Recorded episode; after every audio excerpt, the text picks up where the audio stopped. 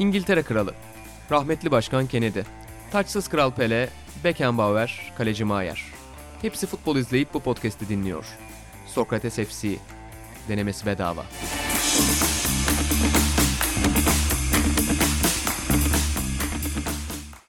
Sokrates FC'den herkese merhabalar. Ben İnan Özdemir, Atahan Altınordu ve sevgili çok değerli dostumuz, arkadaşımız Sokrates'in kurucu ekibinin, Rahmetli Kutay Ersöz. Sokrates'in kurucu ekibinin en yetenekli ayağı, Laflara bak. Türkiye'deki birçok halı sahada performansını izleyebileceğiniz sevgili Kutay Ersöz burada. Hoş geldin Kutay. Hoş bulduk.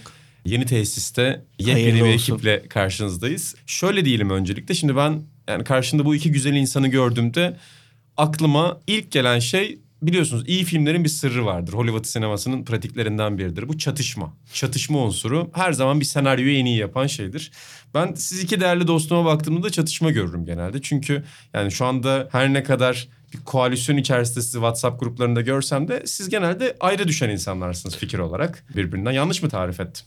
Yani doğru mu ya- yanlış mı konusuna bir şey demeyeceğim. Sadece şunu söyleyeceğim. Dış güçleri sevindirmeyeceğim. Ben bugün bizden bekleneni vermeyeceğim. İçinde bulunduğumuz birlik ve beraberliğe en çok ihtiyaç duyduğumuz bu kritik günlerde ben Kutay Ersöz'le çatışmak istemiyorum ama emin de olamıyorum. Bakalım. İlk konumu o yüzden açıyorum şimdi. Hatırlarsanız Şubat 2019'da sizde Kalamış'ta Fenerbahçe tarafında çok son derece yağmurlu bir günde son derece ıslanarak bir futbol tartışması Yine bir yapmıştık. halı saha öncesi. Yine bir halı saha maçı öncesinde VAR tartışmıştık. Video asistan hakem ne getirdi ne götürdü. İlk 6 ayı geride kalmıştı. Şimdi onun üzerine neredeyse bir sene daha eklendi. Artık 2020'leri konuşuyoruz ve yani ben Kutay'ı Twitter'da takip ediyorum ve 48 Kutay adresinde VAR'a dair bu sene yine bir olumsuz fikirler gördüm. Atağının da tam tersi olumlu tarafta olduğunu biliyorum. Önce Kutay sanat pası atacağım. Yani bir sene önce bıraktığımız yerden neredeyiz şu anda? Ve senin bu konudaki fikirlerin daha da keskinleşti mi yoksa ya şurada şurada iyi şeyler getirdi. Ben olumsuz düşünüyordum ama dediğin oldu mu? Ya şimdi burada varı konuşma şeklimiz değişti ülke olarak. Çünkü biz o ilk konuştuğumuz zaman Kalamış'ta hem ülke olarak hem futbol dünyası olarak VAR'ı yeni yeni tanıyan ve hani buna göre görüş bildiren insanlardık. Hani VAR futbol dünyasına fayda mı sağlayacak, zarar mı sağlayacak diye fikirlerimiz vardı ve bunun üzerine çatışıyorduk. Fakat şimdi Türkiye'de bambaşka bir noktaya geldi tartışma konusu. Yani VAR'ın futbola katkı sağlayıp sağlayamayacağından öte işte tırnak içinde işte bize zarar veriyor. işte bizi yakıyor. işte öbür tarafı kolluyor. işte onlar için getirdiler. Bizim için bizi engellemek için kullanıyorlar gibi savlarla değerlendiriliyor. Şimdi ben onlara katılmıyorum. Yani VAR kendi içindeki prosedürü iyi uygulayan, onun dışına çok fazla çıkmayan, ufak tefek de hataları olan o konuda buna katılabilirim. Ama yani çok böyle bozgunculuğa sebep olmayan bir uygulamada. Fakat genel olarak bu tartışmalara da sebebiyet verdiği için ve vereceğini tahmin ettiğim için ben hala VAR'ın karşısındayım. Çünkü VAR herhangi bir sorunu çözmediği gibi bizim var olan problemimizi daha da derinleştiriyor. O yüzden hala VAR'ın karşısındayım ben. Aslında senin bahsettiğin problem Türkiye'de genel bir problem. Yani sen Türkiye'de varı da getirsen, Türkiye'ye tıraş bıçağı markası da getirsen bize karşı da bizden Tabii. oluyorsun yani. Yani gökten melek indirsen maç yönettirsen diyecekler ki işte melekler Beşiktaşlı, Galatasaraylı, Fenerbahçeli. İşte ya da ne bileyim robotlar maç yönettirseler diyecekler ki bunun mühendisleri, yazılımcıları Kimden Galatasaraylı. talimat aldı bu robotlar? Aynen işte bilmem kimin şirketinde üretildi bu robotlar falan derler. O yüzden VAR'da da aynı problem var. VAR bizim herhangi bir problemimizi çözecek bir uygulama değil. Ki ya en başta da konuşuyorduk yani Türkiye'de hakem tartışmaları biter mi diye bitmez diye hep fikirdik zaten bunda. Ama gelinen noktada biraz senden de fikirlerini alacağım. Sonra şeyi soracağım yani önce senin fikirlerini alıp sonra Avrupa ve Türkiye kıyaslarına girelim biraz isterseniz. Tamam. Benim fikrim ya ben de aynı noktadayım. Daha önce bunu tartıştığımızda ki dergide yazılı dökümü olan tartışmada da var. Ben Kutay'ın eleştirilerinin işleyişe yönelik eleştiriler olduğunu düşünüyorum. Birçoğuna katılıyorum. Ben de senin de az önce belirttiğin gibi hakem tartışmalarının bitmesini beklemiyorum veya insanların bunu tamamen adil bir uygulama olarak görmesini beklemiyorum ama ne olursa olsun yani futbol ya da herhangi bir alanda ne kadar adil olursan ol insanlar kendi açılarından, kendi pencerelerinden görecek. Veya yine futbolda veya herhangi bir alanda tartışmaya açık konular genel konuların çok yani bütünün çok büyük bir bölümünü oluşturuyor. Hiçbir şey siyah beyaz değil. O zaman da zannediyorum konuşmuştum biraz kendimi aynı şeyi söylemiştim. Kendimi tekrar etmek gibi olacak ama birçok şey siyah beyaz değil gri ve tonları. Ee, Gri pozisyonlara bakılmıyor zaten. Ya şimdi bakılıyor aslında. Bir sürü e, video hakemden geçen bir sürü Yani pozisyon. bakılmaması lazım. Yani bu ayrı bir tartışma konusu. Mesela biz seninle şeyde buluşmuştuk. O konuşmayı daha doğrusu ben seninle buluşmuştum. Seni bilmiyorum da şurada bitirmiştik. Vallahi sen buluşmuşsun Ee, hatırlamıyorum. ben mesela hayır Kutay madem var var bari şöyle olsun demişti. Ben de buna varım demiştim. Teknik direktörlerin mesela 3 itiraz hakkı olsun. Ee, tenisteki NBA'deki gibi. tarz mesela evet. Bir- evet. bir itiraz var Kesinlikle ama Bas- var. basketboldaki gibi. Yine bu zannediyorum Kutay'ın lafıdır. Hafızam beni yanıltmıyorsa o zaman şey gibi denklemler de girecek işin içine. Var hakkını doğru kullanan teknik direktör veya teknik direktör ekibi. Yani böyle denklemler de girecek. Ya öyle olur böyle olur bunları bilmiyorum. Bu arada Ee, ama 3 hak futbol için çok fazla yani onu da söylemek lazım. ama şimdi Çünkü o hakemler, zaman şeye hakemler döner. için de çok az. Oyuncu değişikliği gibi hani maçın sonunda artık böyle her şeye itiraz edeyim de zamanı geçireyim veya işte oyunu durdurayım me döner yani o iş. Ya şimdi çok detayın detayı olacak ama Olsun. nasıl ki yalandan yere yatan veya zaman geçiren oyuncunun niyetini biraz anlayabiliyor hakemler. Bunu cezalandırabiliyor. E bunun da bir veya nasıl ki Ama burada şey e, Vedat ki. Muriç bilerek mi sarı kart gördü, bilmeden mi gördü? Bunu idrak edecek ki bence yanlış bir kural. E, bir kural mekanizması var. Bunu da idrak edecek kural mı? Ama- Her şeyde ama öyle orada- itiraz edemezsin. Mesela niyeti, Taça edemezsin niyeti, mesela. E, tabii ama yani işte ceza sahasındaki bir pozisyona bile bile itiraz hakkını kullanabilirsin. De Ve bunun- bunda ya kardeşim sen bunu zaman geçirmek için kullanıyorsun. Ben bu itirazını dikkate almıyorum da diyemezsin. Bunun çözümü var. Ya detay olarak çok sevdiğim bir şey anlatacağım mesela. Anlat. Ee, yıllar önce Türkiye Portekiz olması lazım. Ümit Milli maç. Yani hakemin adını bile böyle tam telaffuz edemeyeceğim de hatırlıyorum o kadar aklıma kazınmıştı. Telaffuzu zor olduğu için telaffuz edemeyeceğim. Bir rakip oyuncu, Portekizli bir oyuncu uzun süre yerde yattı. Ama o kadar yalandan yattığı belliydi ki o zaman oyuncular çıktığı zaman hakemin işaretiyle oyuna girebiliyorlardı. Hakem onu bir 5 dakika falan almadı oyuna mesela. Müthiş bir takdir hakkıydı. 5 dakika rakibi eksik oynattı hakem.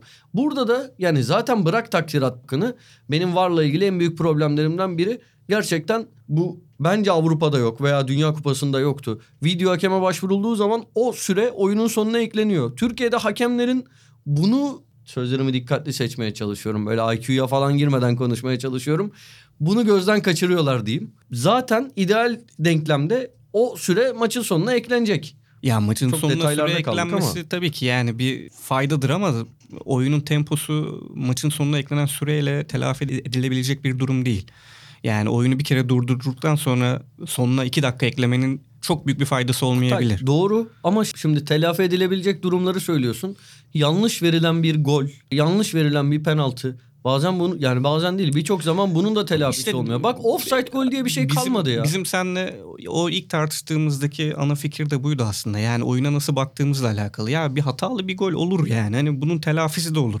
Bu çok Olmuyor Kutay. olur yani oyuna nasıl baktığınla alakalı. Yani eğer hayat memat meselesi görüyorsan tabii ki olmaz. Yani o gol hayatın en önemli golü ya da en önemli sorunu meselesi haline gelebilir ama yani maç yapıyorsun ve devamlı ertesi hafta bir maç daha var, ertesi sezon var. Yani futbol oynanıyor ve devam ediyor. Senin bu oyundan ne kadar keyif aldığın önemli. Burada işte o hatalı kararı işte adaleti sağlamak için o golü, o penaltıyı, o offside'ı didik didik etmek belki bir sonraki sezon futbol izlememeye doğru da götürebilir insanları. Biraz burada dikkatli olmak gerekiyor bence. Sen temelde zaten sınırı çok felsefi bir yerden çekmiştin. Yani tartışmayı bilmeyenler için. Senin söylediğin şey ki benim de kafamda o güne kadar olmayan bir düşünceydi. Sen hakemlerin futboldaki varlığının adalet kelimesi üzerinden değil, oyunun düzeni üzerinden, oyuna bir düzen sağlamak üzerinden temellenmesi gerektiğini söylüyorsun. Aynen. Yani hakemler bir avukat değil yani bir bir hakim değil. Avukatsa da oyunun avukatı. Yani bu oyunun devam etmesi için var olması gereken bir e, mekanizma orada. Yani senin hakkın yendi ben senin hakkını koruyayım diye karar verecek olan değil. O oyunun sağlıklı bir şekilde akması ilerlemesi için var olan bir sistem. Biz o, oradan çok kaybolduk işte. Yani hakimin oradaki faktörünü o e, etkisini çok kaybettik. Özellikle Türkiye'de. Yani hakimin çok e, hakim gibi görüyoruz. E, savcı gibi görüyoruz. Aslında öyle bir misyonu olmaması lazım. Burada Ben- şunu da söyleyeceğim. Offside gol kalmadı diyorsun ya. Şey tartışmalarına ne diyorsunuz? Bu sene İngiltere Ligi özelinde çok yapıldı. İşte yayınlarda İbrahim Altısay da sürekli bunun altını çiziyor. Offside'larda çekilen çizgiye dair çok ciddi bir tartışma var. Aslında Evet. offside gol kalmıştır muhtemelen. Çünkü Evet. yani kareyi nerede dondurduğun çok şeyi değiştiriyor. Doğru. Ve bunun bir çözümü yok gibi görünüyor. Yani sonuçta hakikaten çok teknolojik bir şeyden bahsediyoruz ve gerçekten çoğu zaman Premier Lig'de hangi hafta olduğunu hatırlamıyorum. Ya 3 tane maç izledim. Şöyle. Hepsinde aynı tartışma oldu. Bunun çözümü Bu arada bence İngiltere'de- şöyle olacak. mesela- Sen söyle Kutay ben sonra söyleyeyim. Mesela orada da VAR çok tartışılıyor. Mesela orada da şey var. Mesela Liverpool şu an lider olduğu için Liverpool'un VAR tarafından kullandığını iddia eden taraftarlar var. İşte Liverpool diye espri yapanlar ya da işte bunu ciddi olarak Türkiye'de çok söyleyenler var. Yani, yani bu oluyor ama oradaki tartışmalar biraz daha işte VAR'ı nasıl daha iyi yapabiliriz ya da işte nerede eksik var şeklinde ilerlediği için biz orada da konuyu biraz kaçırıyoruz. Ben şunu söyleyeceğim. Önce hatta şu kısa notumu vereyim. Bu offside'ların çözümü muhtemelen şöyle olacak. Bundan işte 5 sene, 7 sene, 10 sene sonra kamera teknolojileri daha iyi olduğu zaman gerçekten futbolcunun ayağından topun çıktığı anı tespit etmek bence mümkün olacak. Yani çok daha detaya inebilen bir açıyla e, şeyle zoom teknolojisiyle yakın çekim teknolojisiyle bence mümkün olacak ama bugün için gerçekten o mekanizmanın başındaki adamın inisiyatifine kalmış oluyor. O insanın inisiyatifine kalmış oluyor. Bu Bunun arada ben dışında- şeyi anlamıyorum ya. 2020 yılında nasıl şöyle bir teknoloji olmaz? Ya sağ kenarına bir kamera koy. Radar gibi. Abi offside diye hemen anında gol çizgisi teknolojisi Tabii gibi tabii. çat diye. Bence de Ama öyle. maliyet Hani- muhtemelen abi. Olsun abi futbol çok yani büyük bu. Bir, ben hatta En maliyetle ilgili bir şey söyleyeceğim. Şimdi bu kadar Girelim büyük mi bir bu sektörde hayır. Ha. Bize kalmaz ya. Ee, O zaman bu derler kadar- yani bu, bu kadar- teknolojiyi bunlar yapmış bunlar bu, Bu- takım kolluyor falan. yani. bu kadar büyük bir sektörde, bu kadar milyonların döndüğü bir sektörde aslında yapılması lazım. Sadece şu var. Onu gidip de ne bileyim Ümraniye Spor'un sahasına da yapmak sıkıntı doğurabiliyor Zaten bütün şu an dünya. var mesela her yerde yok. Mesela birincilikte yok var. İşte tam aynen. Yani ya Ümraniye Spor da şey anlamda söyledim. Yarın öbür gün Süper Lig'e çıkar diye söyledim. Yani attım aklıma hani sahası küçük takım Ümra, Ümraniye Spor Evet. olarak geldi. Ama bir şey daha söyleyeceğim. Maliyete dair sabırla bekledim. Sen mesela şunu söylüyordun az önce. Bu bir hayat memat meselesi değil. Futbola bakışımız yanlış. Ne olacak şampiyon olmazsan? Bir sonraki sene var falan gibi şeyler söyledin. Sen Abdülhamit'i savundun. Bak şampiyon olmazsan değil yani. Tabii ki şampiyonluk için oynuyorsun da. Şimdi- yani şampiyon olurken 34 haftada bir golün eksik olması, bir golün ondan sonra ama bazen o bir gol mahvediyor. Şimdi işte hayat memat meselesi bence değil o dedim. biraz Futbol elma armut dolduruyor. Benim için yani. de hayat memat meselesi değil ama Daha ben da önemli benim için bravo. Kimin sözüydü hatırlıyor musun? Bill Shankly değil miydi? Ha, olabilir. Aynen. Güzel şov bulmuş. Benim aklıma gelse ben söylerdim. Ama öyle hissetmiyorum. Böyle hissettiğim zamanları hatırlıyorum diğer yandan. Benim için futbol bir zamanlar hayat memat meselesiydi ve milyonlar için futbol hayat memat meselesi. Onu da geçtim. Bir başka türlü milyonlardan bahsedeceğim. Demin referans vermiştim. İşin içinde milyonlarca euro, dolar para dönüyor. Bunun kahramanları, aktörleri, futbolcular, teknik direktörler, başkanlar onların kaderi gerek maddi gerek manevi olarak bazen bir gole kalıyor. Ben oradaki bir oraya tesadüfen atanmış hakemin kararıyla bu kaderin belli olmasını yanlış buluyorum. İşte burada da şöyle bir şey var yani o kaderi bu insanlara zaten yüklüyorsun. Var sayesinde de bundan bir çıkış yolunun olmamasını sağlıyorsun. Şöyle ki adama diyorsun ki ya kardeşim bak sen eskiden diyordun ki hakem benim bir golümü vermedi. İşte hakem işte kırmızı kart verdi benim oyuncuma. Ben yenildim bahane sunuyordun ama bak şimdi varı getirdim. Senin artık hiç bahane sunma hakkın yok. Sen başarılı olmak zorundasın. Evet, Ne gri, diyor? gri pozisyonlara yorumunu katabilir. Yine Gri insanlar eleştirecek. Gri- Ama ya- görevini iyi yapmak Hayır zorunda. var için vardı. hakem için demiyorum. Teknik direktör veya işte diğerleri için futbolcular için diyorum. Yani futbolcuların veya teknik direktörlerin bu oyunu bir oyun olarak görme şansı artık kalmıyor ellerinde. Yok zaten oyun değil ki Neden? artık. O- Onları meslek. Ama işte oyun Nasıl bu ama. görecekler? Bu oyun yani. Bu bir performans oyunu hatta Kutay, yani. oraları Eğer geçtik yani 10 yıllar önce geçtik. İdeal dünyada senin dediğin gibi ideal dünyada o zaman yani şeyde insanları mesela hapse atmak da dünya çözüm dediğin- değil ki. Suç işlememesini ideal dünya sağlayalım dediğin demek mesela gibi bir şey senin söylediğin. ideal dünya dediğin yani yurt dışında bu oyun böyle oynanıyor. Nasıl oyun oyun olarak var var. Ha var ama işte bizim gibi Evet, kullanılmıyor evet. veya konuşulmuyor. Onlar- tamam ayrı bir şey. O, o, Tartışılıyor. o başka bir konu bu. Vardan başka bir konu. İşte bu, ben de diyorum ki var zaten bu ülkeye gerekli altyapıyı, toplumsal altyapıyı sağlayamadığı müddetçe büyük bir zarardır. Ya zaten halihazırda var olan futbol Kutay. ortamına artıyı katmadığı gibi Kutay, kattı diyorsun. Kesinlikle. ülke- ya ben eksik attığını inanmıyorum da şöyle bir E, tartışmalar daha toplumsal fazla arttı. yani şu ortama ne getirirsen getir zaten zarar veriyor. Zaten şey gibi bu. Çok yani hasta vücuda hiçbir şey işe yaramaz ya. İşte zaten getirme. İnsanlar bu oyunun oyun olduğunu öğrensinler. Getirmeyeceksin. Hakemin hakem olduğunu, insan olduğunu, hata yaptığını, belki Türkiye'deki hakemlerin yetersiz olduğunu, futbolcuların, teknik direktörlerin performans sergilediklerini ve işte ona göre başarılı veya başarısız olduklarını mesela teknik direktörlerin futbolu bilmediği gibi bir saçmalık olmadığını insanların öğrenmek zorunda olduğu bir düzen sağlamak zorundayız. Bunun içinde varı mı kaldıralım? Yani başka Var, buna başka başlanacak bir sürü yer var. Var tabii bütün ki aynen. Dünya, bütün dünya varı uyguluyor. Biz de o dünyayla Avru- mesela Avrupa'da yarışıyor kulüplerimiz. Hepsinin liginde var var. Niye bizde o bizde de olsun. Onlarla aynı futbolu oynayalım yani. Bu artık futbolun değişmez bir kuralı. Yarın kalkarsa ona göre bakarız Ha da. aynı altyapının yok sende. Yani, Yani tamam hiçbir bu şey de yok. nerede yok? Hiçbir hiçbir konuda hemen hemen aynı altyapımız Tamam yok. işte sen işte o altyapıyı sağla. Yani onlar bu buraya onu da 100 yılda yapalım. gelmişler. Sen diyorsun ki ya bunlar bu- bizden 100 yıl ileride hadi biz bir sene sonra onları yakalayalım. Tamam, işte VAR'ı onu da getirelim. yapalım. Atıyorum işte lig sayısını, takım sayısını 20 yapalım. Bak bunlar böyle yapmış, yayın ihalesini böyle yapmış. Biz de böyle yapalım. Böyle olmaz.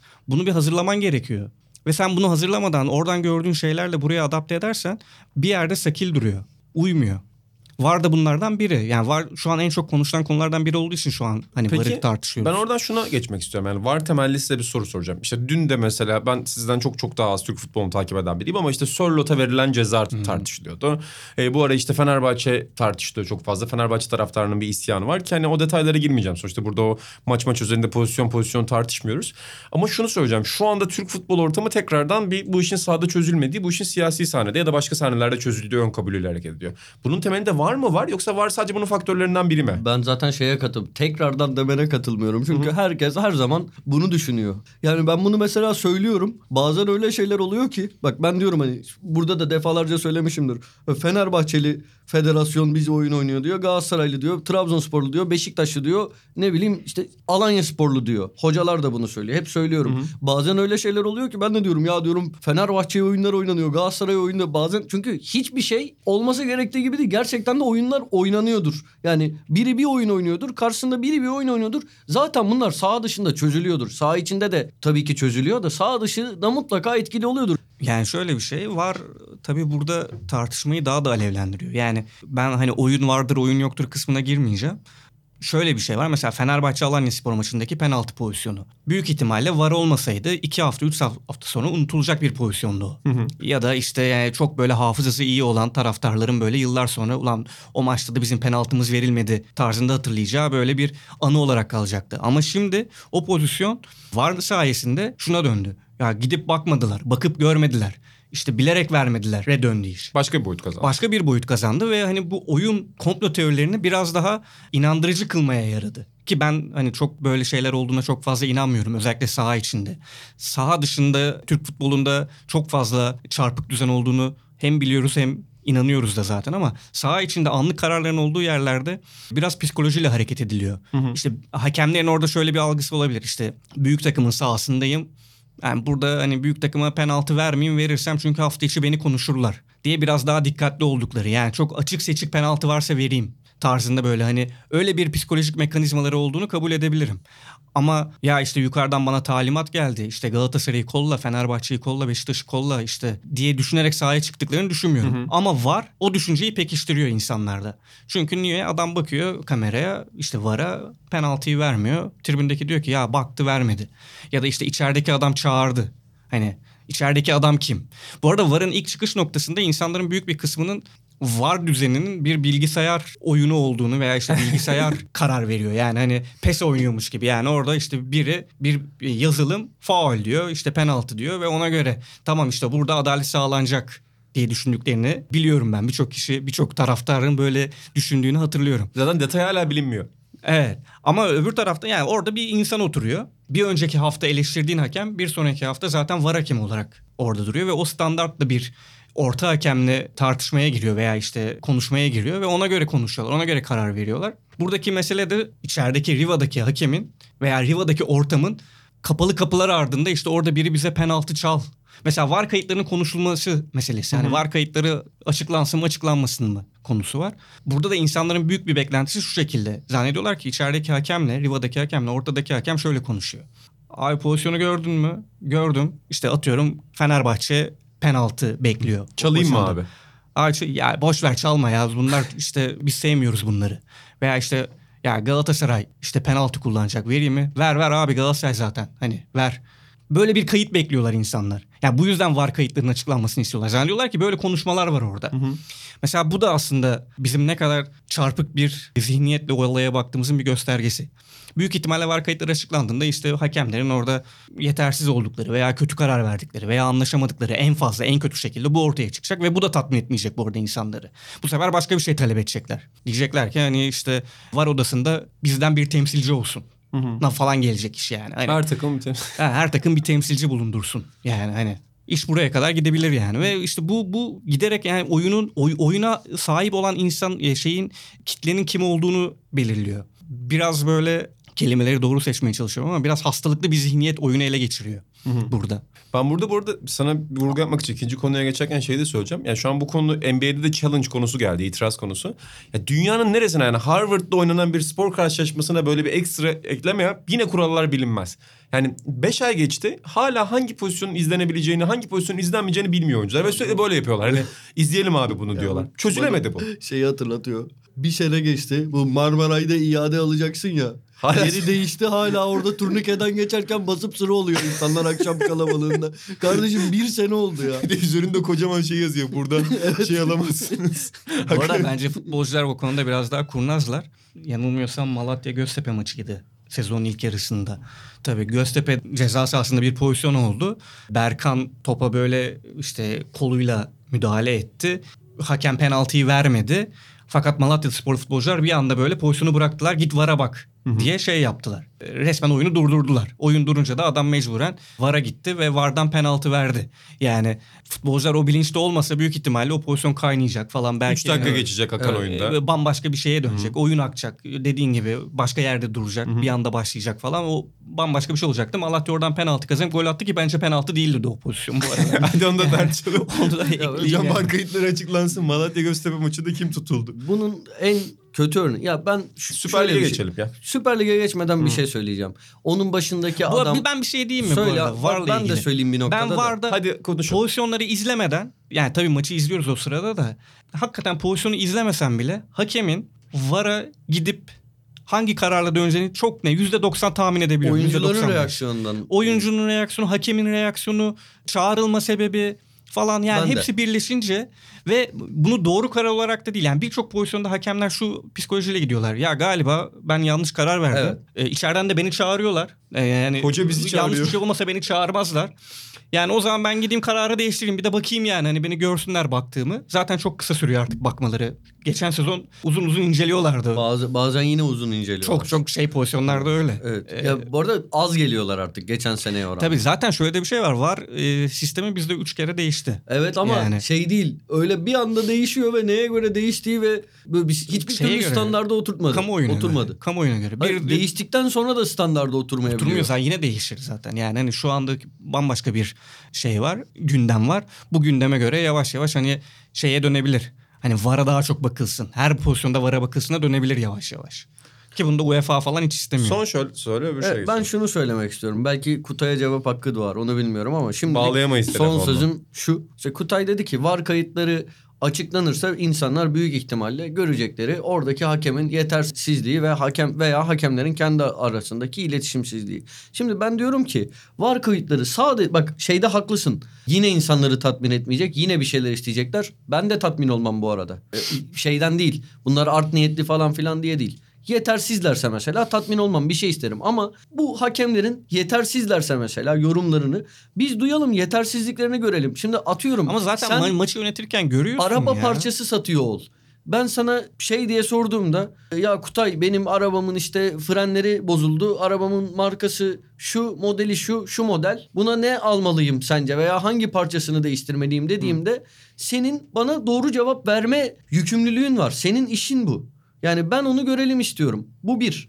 İkincisi ben şeyi görmek istiyorum ya. Atıyorum iki benim bugüne kadar gördüğüm var konusunda en büyük 2-3 skandaldan biri Fenerbahçe'nin mesela haklı olarak adaletsizlik adaletsizliği doğuruyor. Fenerbahçe taraftarları ikidir kurtardıkları penaltı tekrar ediliyor. Doğru kararla tekrar ediliyor ama bundan tatmin olmuyorlar. Şikayet ediyorlar. Niye? Daha birinden önce bir önceki hafta Fenerbahçe aynı şekilde penaltı kaçırdı.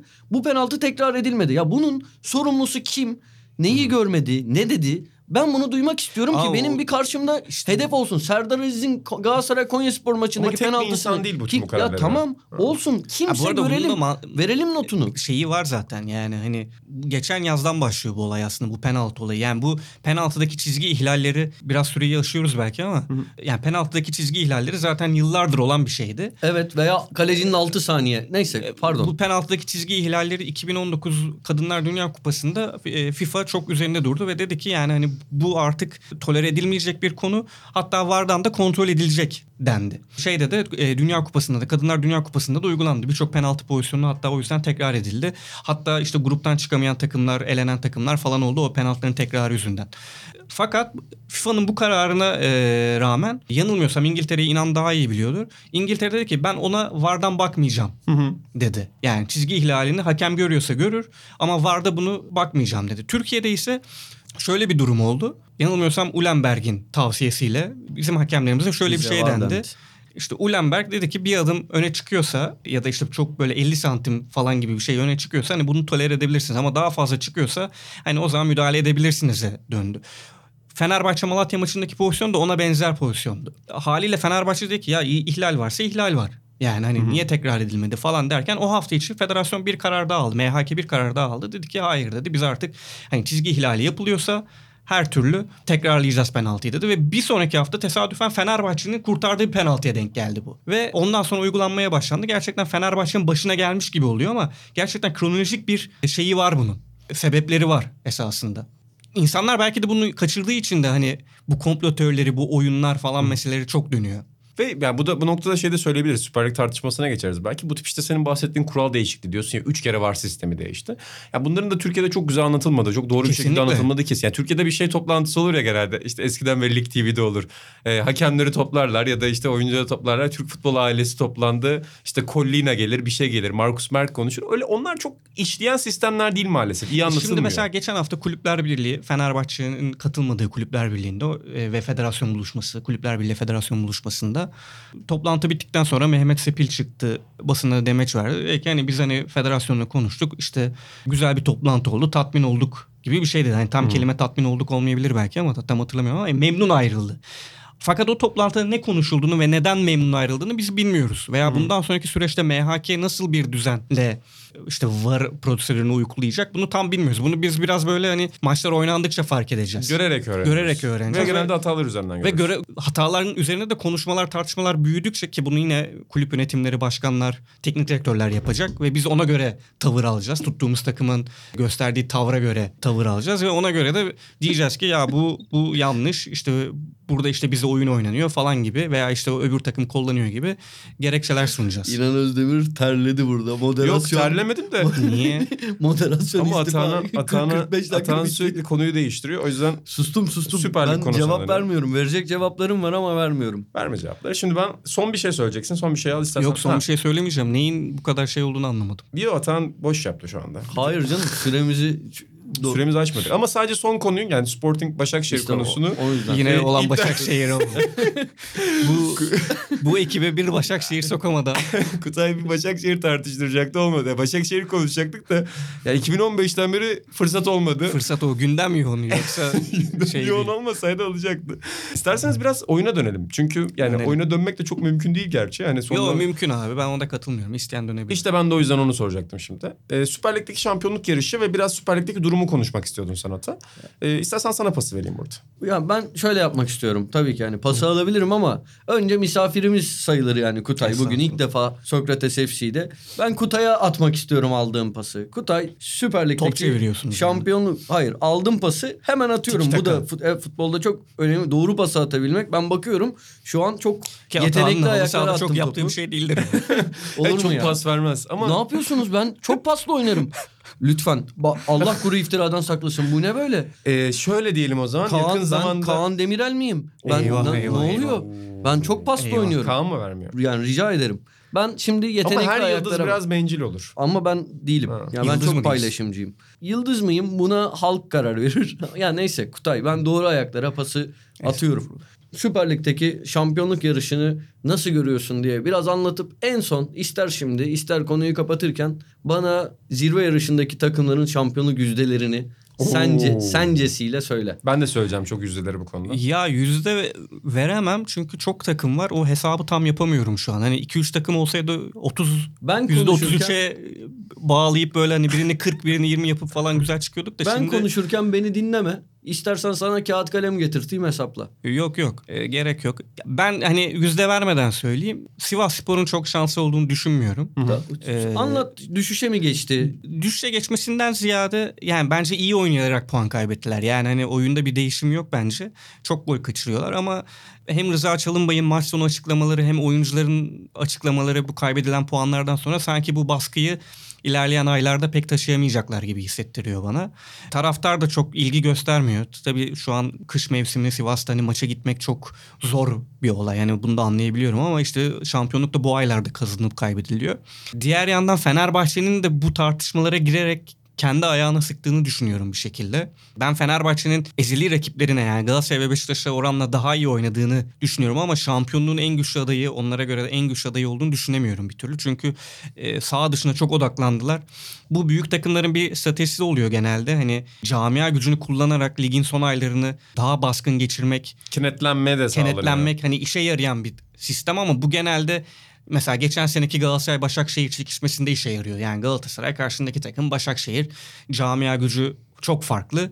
Orada Galatasaray bir adım öne çıkabiliyor ama Fenerbahçe'nin şu an hem Başakşehir gibi rakipleri yok. Yani Galatasaray gibi, Trabzonspor gibi e, hatta Beşiktaş gibi rakipleri var. Birçok rakibi var. Hem de çok güçlü rakipleri var. O yüzden bu çok işe yarayacak gibi durmuyor.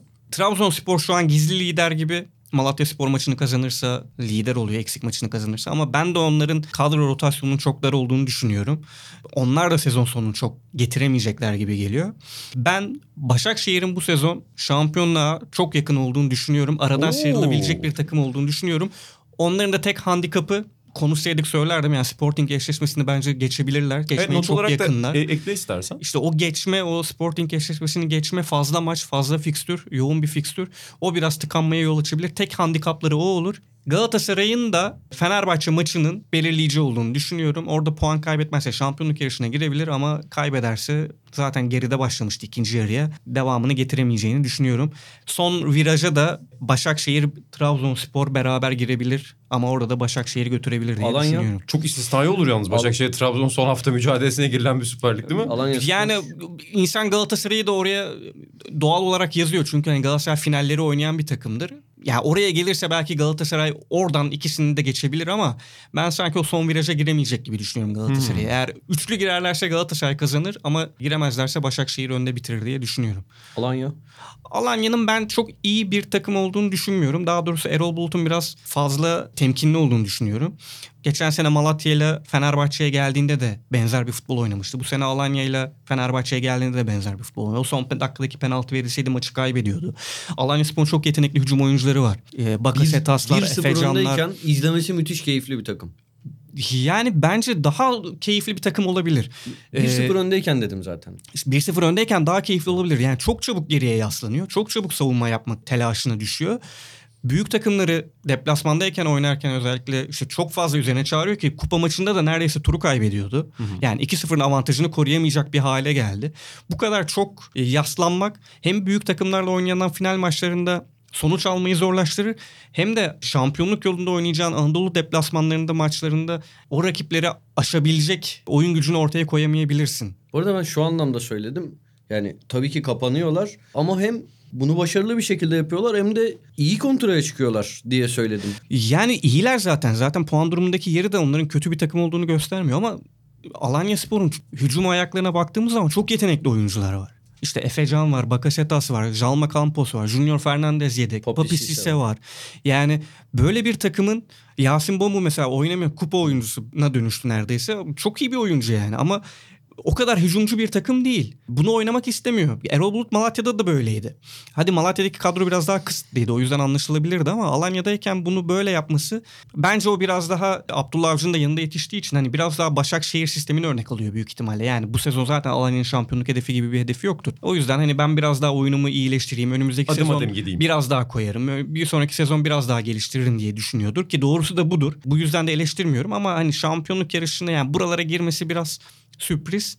Belki arada- Avrupa bileti alabilir ama yani çok da buralarda kalmaz. Sivas Ligin- kadar sürükleyici olmaz ligin mesela. en çok gol atan ikinci takımından ve en az gol yiyen takımından En az gol yemesi çok normal. söz ediyor. Yani. Ama en çok gol atan ikinci ta- ha şunlar var. Ee, Bu arada dediğim duran gibi toptan çok gol atıyorlar. Evet. e, iki şey söyleyecektim. Biri o Ya, 1-0'dan akan oyunda sonra duran kontrayla 2'yi bulup ondan sonra çok rahat 3'e 4'e 5'e gittikleri 3-4 tane maç var. Aynen özellikle iç Artı sahada. duran top becerileri var. Aynen. Ee, Pe- Peki burada şeyi merak ediyorum ben. İşte sen dedin ya e, ikinize de bu soruyu yöneltiyorum. Akan oyunda daha farklı olabilir diye. Sivas mesela psikolojik faktörleri geride bırakırsak oyun olarak çok değişti mi? Sen değişmedi dedin. Yani Sivas mesela kontrayla çıkan bir takımdı. Ligde bulduğu fırsatları en çok değerlendiren takımlardan biriydi. İşte burada yaptığımız işte istatistik programında da onu konuşmuştuk. Psikoloji mi daha çok onu etkiliyor şu anda onların? Sivas'ın oyunu değişmedi de rakiplerin oyunu değişti biraz Sivas'a karşı. Özellikle Anadolu takımlarının onlara karşı. Çünkü Sivas yenilebilir bir takım olarak gözüküyordu. Biraz daha üzerlerine gidiyordu rakipleri. Hani Sivas'ı yenelim falan diye. Baktılar ki Sivas iyi bir takım. Şampiyonluğa oynayacak noktaya geldi. Hani Sivas deplasmanda veya Sivas'a karşı oynarken puan kaybetmeyelim. Hani biraz geride bir ben bir puanlık alalım iyidir re döndü. Haliyle Sivas'ın o kilidi açması çok zorlaştı. Ama yine de pozisyona daha çok giriyor. De daha çok giriyor demeyeyim yani e, rakiplerine göre daha çok giriyor. Kendisine göre biraz sönük kaldığı da doğru. Orada biraz rakipleri etkiliyor Sivas Spor'u. Şöyle de bir sıkıntısı var. Evet Emre Kılınç, işte Mert Hakan çok beğendiğimiz oyuncular falan ama bunlar nasıl diyeyim böyle hani bir e, oyun değiştiren adamlar, oyunu değiştirebilen adamlar değiller. Yani biraz daha sistem oyuncuları. Tabii ki teşbihte hata olmaz yani hani onlarla kıyasladığımdan değil ama yani bir Hacı, bir Alex, bir Sergen değiller yani. Hani o yüzden de oyun tıkandığı zaman böyle bir büyü yapabilecek oyuncuları da yok Sivas Spor'un. Yani Öyle cam kırılması gerektiğinde o camı kırabilecek Evet, tehlikeli İki- anlamında. 2010 Bursa Spor'da var mı? Mesela Batajya. Batajya o muydu? Ha, tabii Batajya var. Hatta Ergiç bile sayılabilir. İşte Volkan Şen vardı. O, e, Ya şimdi Volkan Şen kadar Emre Kılınç da var. yok. Yani, yani Ivan Volkan- Ergiç'ten fazla bence Mert Hakan da var. Değil değil. Çünkü Mert Hakan'ın yani bir, se- bir önceki sezonu tamamen boş geçti Mert Hakan adına. Yani hani yeni yeni kendini bulabilen bir oyuncu. Volkan Şen Bursa Spor'dayken büyüklerin gözdesi olmuş işte. Ben Emre Kılınç ve Mert Hakan da oldu Sivas Spor'da. Şu an oldu ama bu sene oldular. Tam bu Yani sene oldular. Tamam canavar Volkan Şen öncesinde de vardı diyorum yani. 2009'da 2008'de de kendini hissettiren Sercan öyle oyunculardı yani. Ki Bataj da çok önemli bir faktör zaten. O yüzden bir de şöyle bir şey var. Bursa Spor o dönem sadece bir Fenerbahçe ile yarışa girdi. Son 9-10 haftada. Yani Sivas Spor'un öyle bir şansı olmayabilir. Yani Sivas Spor'un birden fazla rakibi olabilir. Sen bir şey çizdin, küme çizdin. Yani Başakşehir ve Trabzon'u orada ön plana koyan bir küme. Senin kümende kimler var? Yani nasıl takımları sıralıyorsun? Az muhalefetim olacak Kutay'a. Önce herhalde cevabı kısa olacaktır. Şey olsun, düzenli olsun diye şunu soracağım. Beşiktaş artık bu yarışın içinde değil mi? Beşiktaş hiç demedin. Ya, Ondan sonra küçük muhalefetlerimi söyleyeceğim. Şöyle yani puan olarak baktığımız zaman yani Beşiktaş'ın yukarıyla çok puan farkı yok. Yani en alt en gerideki o ama yani çok kapanmayacak bir puan durumu yok ama yani Beşiktaş'ın çok fazla problemi var. Hem maddi olarak hem idari anlamda. Ben hani sonunu getirebileceklerini düşünmüyorum o açıdan. Oyun olarak da şu an iyi bir fikstürle Sergen Yalçın 2'de 2 yaptı. Ama böyle mesela Başakşehir maçında biz şu an çekiyoruz. Maç akşam oynanacak. Yarın dinlenecek bu program ama oradaki futbol biraz daha belirleyici olabilir benim adıma. Yani o Esas büyük test maçı orası nasıl olacak. evet yani o büyük maçı nasıl oynadığı biraz daha sezonun ilerisi için işaret verebilir. Ama şöyle de bir şey var yani bu kadar tahmin yaptıktan sonra asıl özeti söyleyeyim esasında. Türkiye Ligi'nde kadrolar aslında birbirine çok yakın. Makas kapandı çünkü büyükler de aşağıya doğru indi. Bence o yüzden kapandı. Burada öne çıkan takım maaşını ödeyebilen takım oluyor. Yani maaşını ödeyebiliyorsan, paranı ödeyebiliyorsan Türk futbolunu bilen adam konuşuyor. Aynen yani geçen sene Beşiktaş'ın şampiyonluğu kaybetme nedeni oydu. Çünkü işte Pepe'yi kaybetti. işte Quaresma'yı küstürdü falan gibi birçok sorun yaşadı ve çok iyi bir kadrosu olmasına rağmen şampiyonluğu kaptırdı. Ama Galatasaray işte primiyle mirimiyle işte oyuncuları memnun ederek son düzlüğe girdi ve şampiyon oldu. Tabii Fatih Terim faktörü de şöyle var. Yani Muhakkak. tabii 96-2000 arası da hani mesela Faruk Sürel'e sormuştuk sırrı ne başarının diye. Paralarını vermedim o yüzden oldu diye. Ama Yine işte orada takım iyi. Evet bir de o Yani fark bir amacın var. etrafına toplayabilecek bir hocaları varsa o da etkili. Yani şu an çok iyi bir takım olsa yani atıyorum Barcelona'ya getirsen Süper Lig'e ve maaşlarını ödemesen bence yine şampiyon olur yani. O ayrı bir mesele de. Fark bu kadar birbirine yakınken e, ufak farklar varken çok belirleyici oluyor motivasyon. Peki senin ufak muhale- şey muhalefetlerini bu- söyle. Ben de en son kendi görüşümü söyleyeceğim. Çünkü geçen gün Kasımpaşa Galatasaray maçını Ocak başında izledim. Televizyon vardı. Çok dikkatle takip ettim mücadeleyi ve analizlerim olacak bu konuda. İşte bazı arkadaşlar da böyle Cihangir'de ocak başından futbol yorumluyorlar. Ve bazıları da burada işin mutfağı puandan diyor ki paralarını ödeyen şampiyon. Kebap da sosyetik bir Cihangir'de miydi? Yok değil de. Boş ver. Benim yani şimdi öncelikle genel çerçeveye katıldığımı tekrar edeyim. Ben de şampiyonluğun e, Hızlı ufak notlar istiyorum senden. fa- Girişin çok uzun 15 sürdü. dakika konuştu bırak da Misafirim 2 ben dakika haftaya sen konuşalım. konuşursun. Ama sen yıllardır konuşuyorsun. Tam kısa konuşacağım zaten. Ben de şu an görünen tabloda Trabzonspor ve Başakşehir'i şampiyonluğun favorileri olarak görüyorum. Ama ya mesela geçen hafta veya iki hafta önce bunu konuşsak direkt bu iki takımı bir yanına biraz Sivas'ı da koyarak bu iki üç takımı öne çıkarırdım. Galatasaray'a Fenerbahçe'ye şans vermezdim çok fazla. Ee, arkadaşlarla konuşurken mesela ben o yüzde hesabında Galatasaray'a yüzde on on beş diyordum. Fakat son iki üç haftadaki Yalnız 7 Galatasaray... takımlı yarışta %15 iyi bir oran. yani Neredeyse eşit yani o yüzden ben yüzde vermedim. Beşiktaş'a sıfır diyordum. Yani öyle söyleyeyim. Veya Alanya'ya sıfır, Sıfır, diyordum. aynen. Beş takımda yüzde on beş. Neyse 10-15. Neyse e, şöyle söyleyeyim. Son 2-3 haftadaki Galatasaray'ı özellikle hatta şu son hafta içi elenilen kupa maçındaki Galatasaray'ı çok iyi buldum. İbre çok yukarı doğru çıkıyor. Hani bir ivmelenme var. 5 haftalık bir galibiyet serisi var. Trabzonspor'da da var. Tabii hani o yüzden zaten doğal favori onlar gibi görünüyor şu an ama Kutay'a yine katıldığım nokta burada. Galatasaray yarışın içine girerse hani o son haftalarda yarışın içinde olursa Galatasaray yani bugüne kadar hep gördüğümüz e, 2001 hariç kazanıyor. Yani biraz da Beşiktaş'ın 100. 2003. yılı var. Aynen. E, ama orada gerideydi. Kovalayan taraftı. E, şuna katılmıyorum. Kadıköy'deki Fenerbahçe Galatasaray e, maçının Galatasaray için belirleyici olacağını düşünmüyorum. Orada hani muhtemelen yine sıfır en iyi ihtimalle bir puan. Sürpriz bir şey olmazsa yani yıllardır 20 senedir gördüğümüz şey bu. Ama ondan sonra mesela üst üste Sivas ve Beşiktaş maçları var. Galatasaray Kadıköy'de kaybedip e, işte öncesinde yeni Malatya maçını sonrasında Sivas'ı Sivas Beşiktaş'ı Beşiktaş'ı yenip yarışta E, kalır Evet. Kalabilir kalır, diyorsun. Kalır çok da hani şey olur sonuçta şey oluyor. 9 maçta 8 galibiyet oluyor yine. Ve hani Fenerbahçe'nin o kadar iyi bir durumu yok şu anda. Tabii ki hani onlar da aday. Kutay'ın Fenerbahçe yorumlarına katılıyorum. Şuna katılmıyorum. Sivas Spor'u düşüşe geçecek gibi görmüyorum ben. Şampiyonluğun en güçlü adayı değil ama yani yine Kutay gerçi bunu söyledi. Kötü oynayarak puan kaybetmediler. Rakiplerinin oyunu da değişti. Bunlara da katılıyorum ama Sivasspor yine pozisyon buldu. Yani yine kazanabilirlerdi. Gerek Rize maçında, gerek Başakşehir maçında Sivas kazanabilirdi. Ben sonraki haftalarda Sivas'tan yine bir galibiyet serisi işte bekliyorum. açıklamalar biraz şey geldi bana yani hani e, Basit ya bir- goller yediye dön dönmeye başladınız basit zaten. goller bunlar. yedikten ziyade hani biraz böyle hani bizi yapmayacaklar Hmm, e, psikozuna girdiler gibi hissettim ben. Ki başladığımız yere döndürüyor da bizi. E, evet yani mesela işte Rıza Çalınbay ki haklı olarak işte bize penaltı çalınmadı hala 21 haftada falan diyor. Doğru haklı ama yani hani buraya takılınca ki Ha. Anadolu'daki bir takım olarak buraya takılınca çok da o masaya vurduğun yumruğun sesi çok duyulmuyor İstanbul'dan. Oraya da takıldığın zaman treni kaçırıyorsun. O zaman yavaştan kapatıyorum son notlarınızı. Yoksa ki çok güzel bir highlight cümle dedim. Ben bu Sivas'ta taraftarların maça gitmediğini yani daha az gittiğini söylerken Kutay şampiyonluk böyle havalarda kazanılıyor dedi. Çok romantik bir cümle. Bu hafta şey bu aylarda Bu ay- kazanıyor. bu aylarda. Bu ben de hatta ben tam tersi şey Havanın diye yağmurlu olduğu, Hayır. karlı olduğu günlerde kazanılır Hayır şampiyonluk. aynı lafı Mart'ta Nisan'da söylese bence tam bir boş cümle boş yaptı yani. söylese Mayıs'ta şampiyonluk Mayıs'ta Ben- kazanır. Bence- Bana böyle şovlarla gelmesin Kutay. Guardiola'nın galiba bir lafı var. Şimdi sallıyor olmayayım da kimin lafını Guardiola'ya yedirdim bilmiyorum.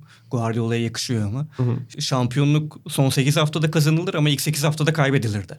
O şeyde de çok kullanılan bir laf. NBA'de mi? Bisiklette çok kullanılan laf. Tour de France'ın ilk 15 etabında Tour de France'ın ilk 15 etabında kilit cümle şudur. Bu etaplarda Tour de France'ı kazanamazsın ama kaybedebilirsin. Bak İtalyan gazetesi, Türk televizyonu, Fransız gazetesi aynı klişe. O zaman bir Katalan olarak Guardiola demiş olabilir mi? Demiş olabilir. Bisiklet sporuna hakim Kesinlikle demiş yani. olabilir.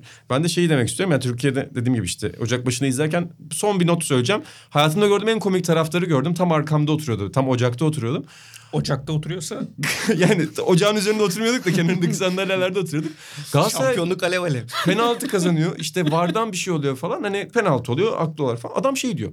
Ulan ne kadar ballı bir takım bu ya. Falan Fatih Terim ekrana geliyor. Ulan ne ballı adamsın ya. Galatasaray gol atıyor, seviniyor. Ben hayatımda böyle kafa karışıklığı yaşayan bir taraftar görmemiştim. Ama artık öyle Fa- yani taraftarlık biraz Değişti. a- adam tutmaya döndü yani. Evet. Kişi tutmaya yani. Onun Fatih- dışında da yani biliyorum zaten hani tahmin edebiliyorum. Sonuçta Fatih Terim'i sevmeyip Galatasaray'ı seven, Galatasaray'ı sevmeyip Fatih... Yani olabilir farklı şeyler olabilir. İkincisi de bir şey mi? Galatasaray'ı sevmeyi Fatih Terim'i seven yoktur. Evet, doğru, haklısın. ya 5 kişi falan vardır Türkiye'de. Son cümlede ben ofiste çok fazla Türk yani bu sene Süper Lig'i izleme şansım oldu. Türk futbolunda kalan haftalarda en çok merak ettiğim şey Tolga Ciğerci'nin şutlarını dikkatle takip etmeye devam edeceğim. Çünkü bence bir fenomene doğru gidiyor. Ben hayatımda bu kadar gol atacakmış gibi hissettirip e, golleri olmayan bir adam görmedim. Umutlandırıp utandırıp. Yani, yani gerçekten Galatasaray'da da öyleydi. Fenerbahçe'de öyle. Dikkatle takip ediyorum. Her seferinde soluyla vuruyor, sol dışla vuruyor, sağ içle vuruyor. 50 metreden dönüyor, 30'dan dönüyor.